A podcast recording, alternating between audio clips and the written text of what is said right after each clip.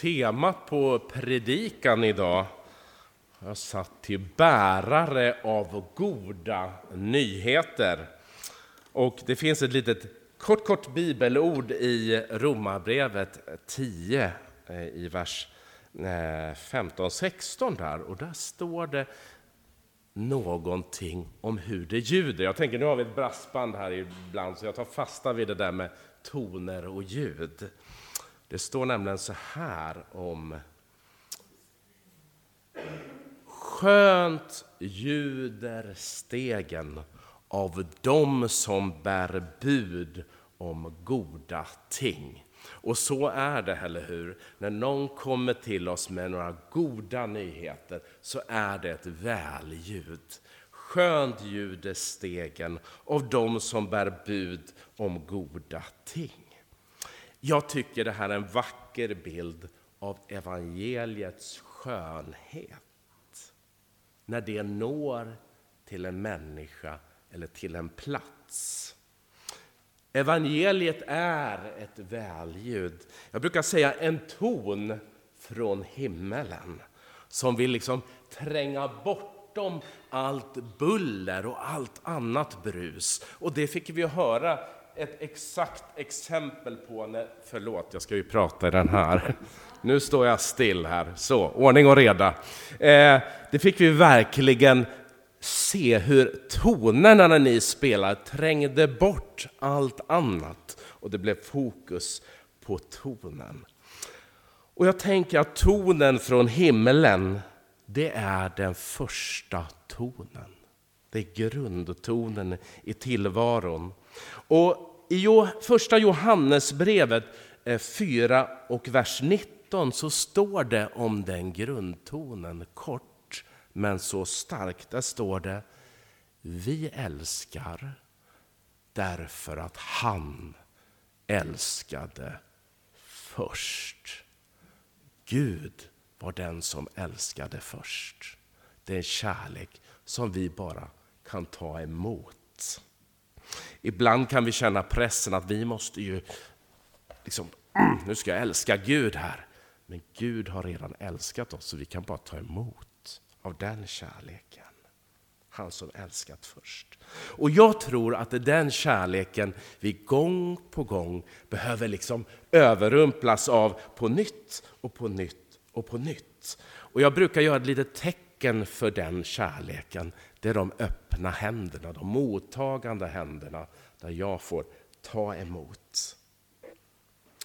Och så tror jag, lite som skatten i åkern, att när vi har tagit emot det där så händer det någonting. Det kan nästan bli, jag brukar använda bilden av en varm havsvåg som man liksom slänger sig ut i när man möter det här. Och då brukar jag tänka att då får jag gensvara på det. Då ibland använder jag händerna som ger tillbaks. Jag får mottaga och jag får ge tillbaks. Men sen finns det en rörelse till, tror jag. Och det är när jag fått ge tillbaks så vill jag verkligen vara med och inte bara ge tillbaks till Gud. Jag vill också få ge tillbaks till den här världen som Gud älskar. Och då brukar jag använda dem. Jag fattar händer med Gud till den här världen. Så ta emot, få ge tillbaks och så sätta samman våra händer med Guds händer. Och där någonstans i den rörelsen tror jag missionen börjar. Vi har ju som tema evangelisation och mission. Eh, i en församling där jag undervisade, och jag använde de här orden, evangelisation och mission, för i mina öron klingar de positivt, så upptäckte jag när jag undervisade att de klingade inte alls positivt i den församlingen. Jag märkte så att det varit helt, alla frös till is, jag märkte här är något läskigt de har varit med om tidigare. Här kan vi nog inte använda de här orden, för de föreställer sig någonting som jag inte föreställer mig. Så jag inser att okej, okay, jag får nog backa och försöka liksom använda några andra ord framöver istället. De där orden evangelisation och mission varit liksom som en mental bromskloss och det vill man ju inte orsaka. Eh, jag tror när jag sen pratade med lite människor, det var många, när de hörde det ordet evangelisation så tänkte de sig någonting, jag ska springa ut på stan och göra massor med bakvända saker som jag mår dåligt av, som inte jag, som känns jätteknäppt.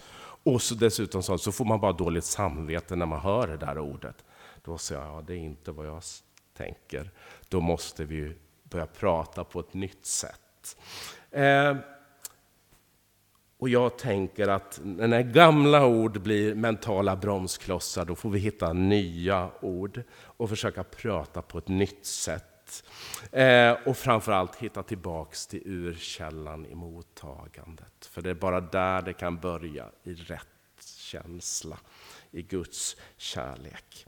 Så därför väljer jag nu för tiden att mycket mer när jag är ute prata om bärare av goda nyheter. Hoppas inte det ska slå an en lika jobbig ton. Goda nyheter, få bära goda nyheter till en plats, till ett samhälle, till en människa. Och det behöver vi i Sverige. Goda nyheter till våra samhällen. Och jag tänker i den formuleringen nu, vi ska strax se en liten film här igen. Eh, I den där formuleringen, bärare av goda nyheter, så finns det en riktning det är någon som går, det är någon som bär någonting. Och det finns också, de bär någonting gott, goda nyheter till människor, till samhällen. Och från vem kommer det? Från den Gud som älskat först. Så får vi gå till en värld dit Gud själv har gått. Jesus föddes på den här jorden för att han älskade den. Vi ska se ett litet filmklipp nu som, som blir liksom bron över till resten av predikan sen. Eh, och jag är imponerad av att jag jobbar i skolan en hel del av min tid när jag inte jobbar i Alliansmissionen. Jag har en tvådelad tjänst och jag vet hur det kan börja krypa efter ett tag. Men jag är jätteimponerad av alla er unga som klarar att sitta still. Men nu, nu kör vi en liten film som får bli övergången. Sen ska jag prata lite mer. Eh, och vad jag ska prata om sen, det är att när vi går till människorna ute, som kyrka och rör oss, så kan de mest märkliga ting hända. Och jag ska ge lite exempel på några berättelser sen på det, vad som kan hända. Men jag ska också läsa ett bibelord. Men nu ska vi se om vi får upp den här lilla filmen som handlar om en kyrka i rörelse. Allt började med Jesus. Han samlade vänner, man kallade dem lärjungar. Innan Jesus drog sig tillbaka gav han dem ett uppdrag Gå ut bland människor, bjud in dem och gör dem till lärjungar. Alla. Oj då. Det var inte så enkelt, men de gjorde det ändå. Och allt fler människor trodde på Gud och resultatet blev kyrkan. Ingen vet riktigt varför, men med tiden drog man sig undan in i en slags borg. Borgen var imponerande, gav trygghet och hemkänsla. Medan livet pågick i borgen såg några att många människor utanför borgen var utan skydd och att livet var hårt. De tyckte synd om människorna.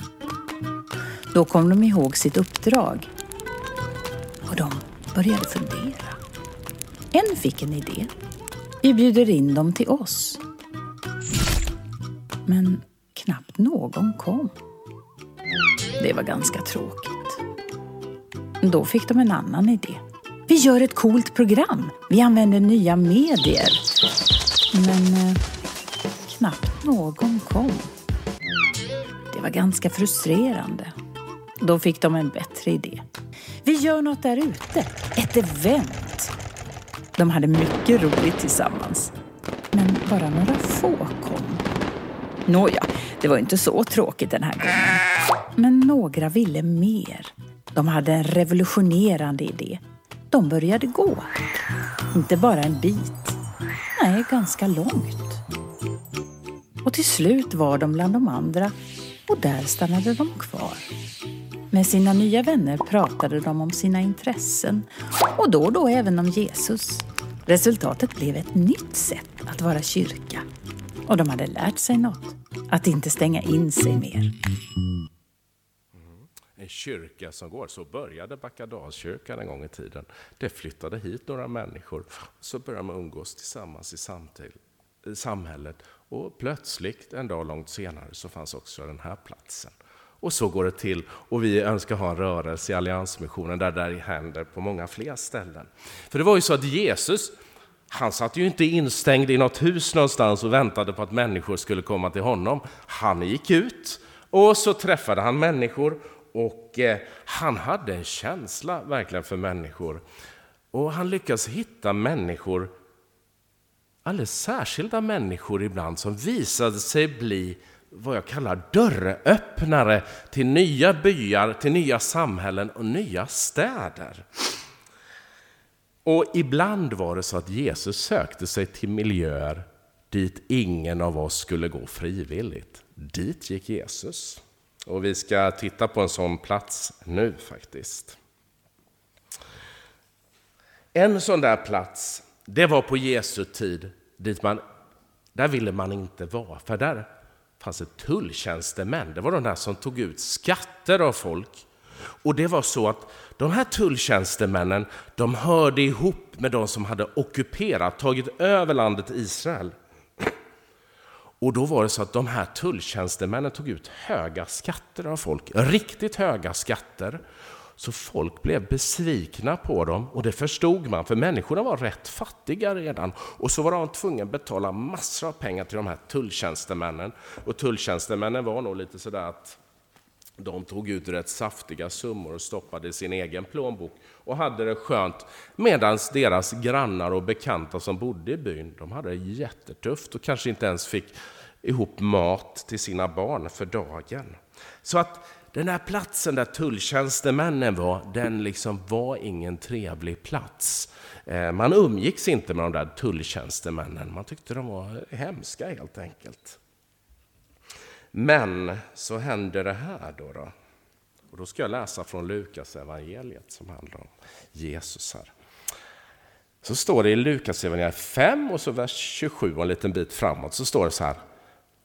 Sen gick Jesus därifrån, alltså han rörde sig ut, och så, var hamnade han då?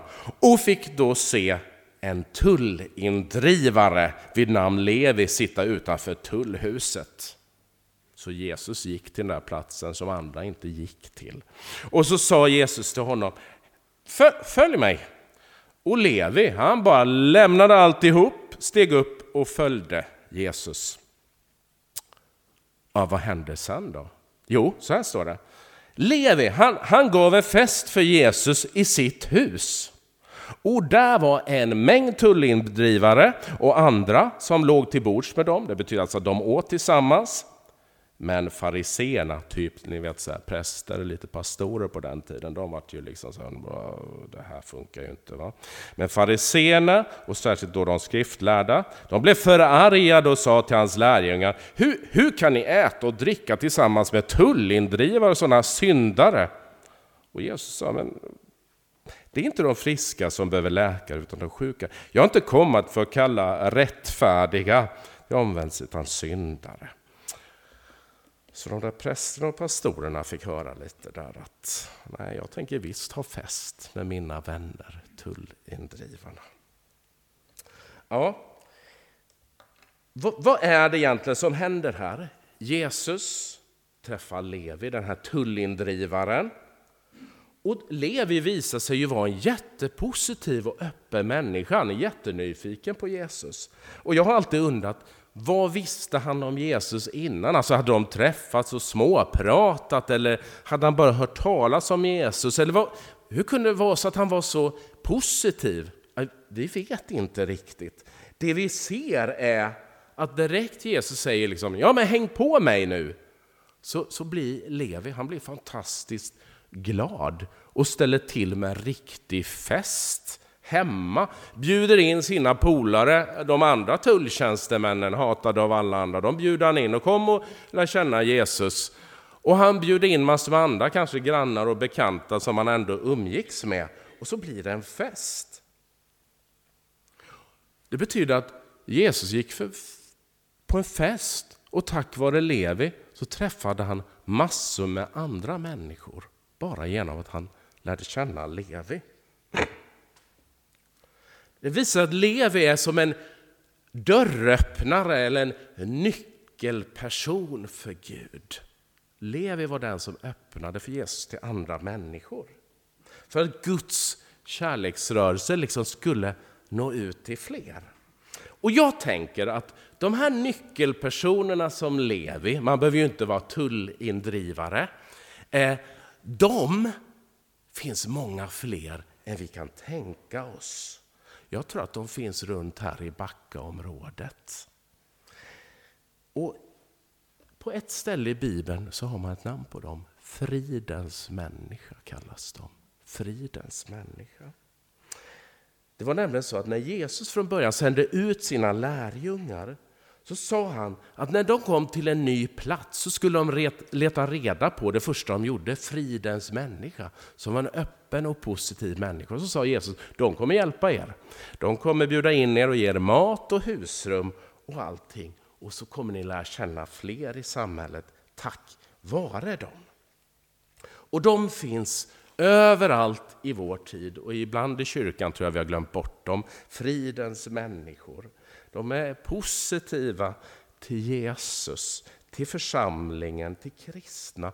Även fast man kanske inte själv liksom kallar sig för att jag är kristen eller jag tror på Jesus. Men man är öppen, precis som till exempel Levi. Jag tror man hört den där tonen från himlen.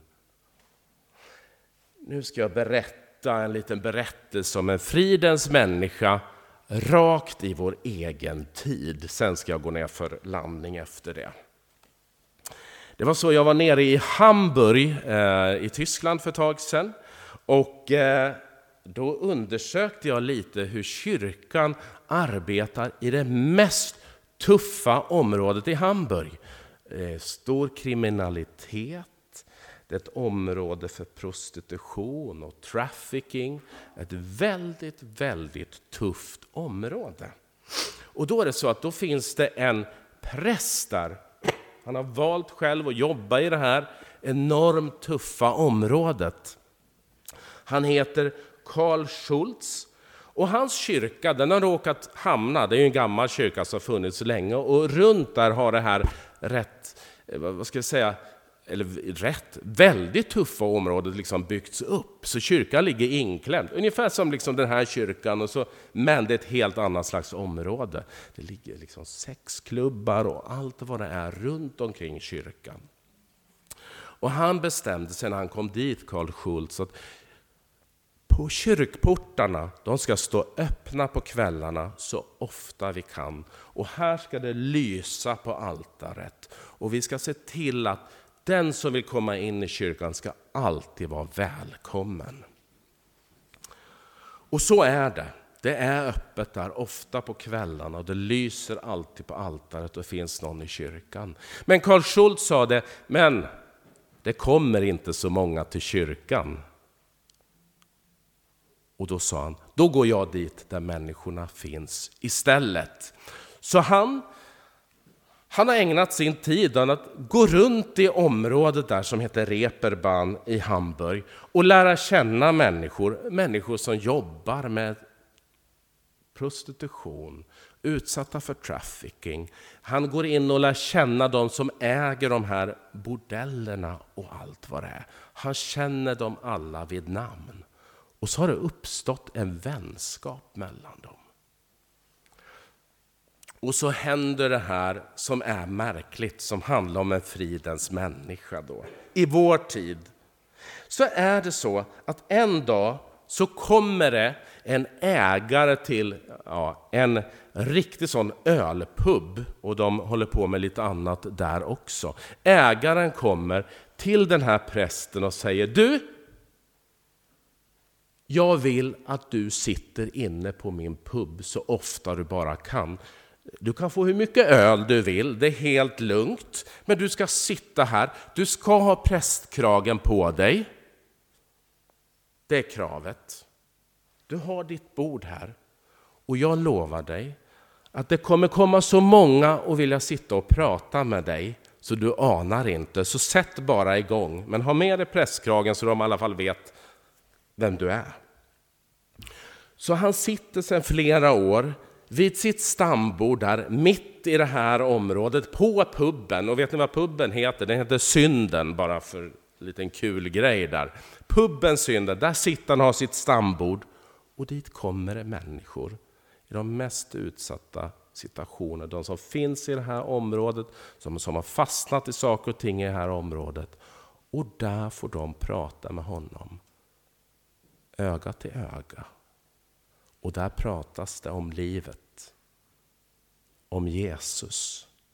Om Gud. Och om hopp och vägar mot framtiden.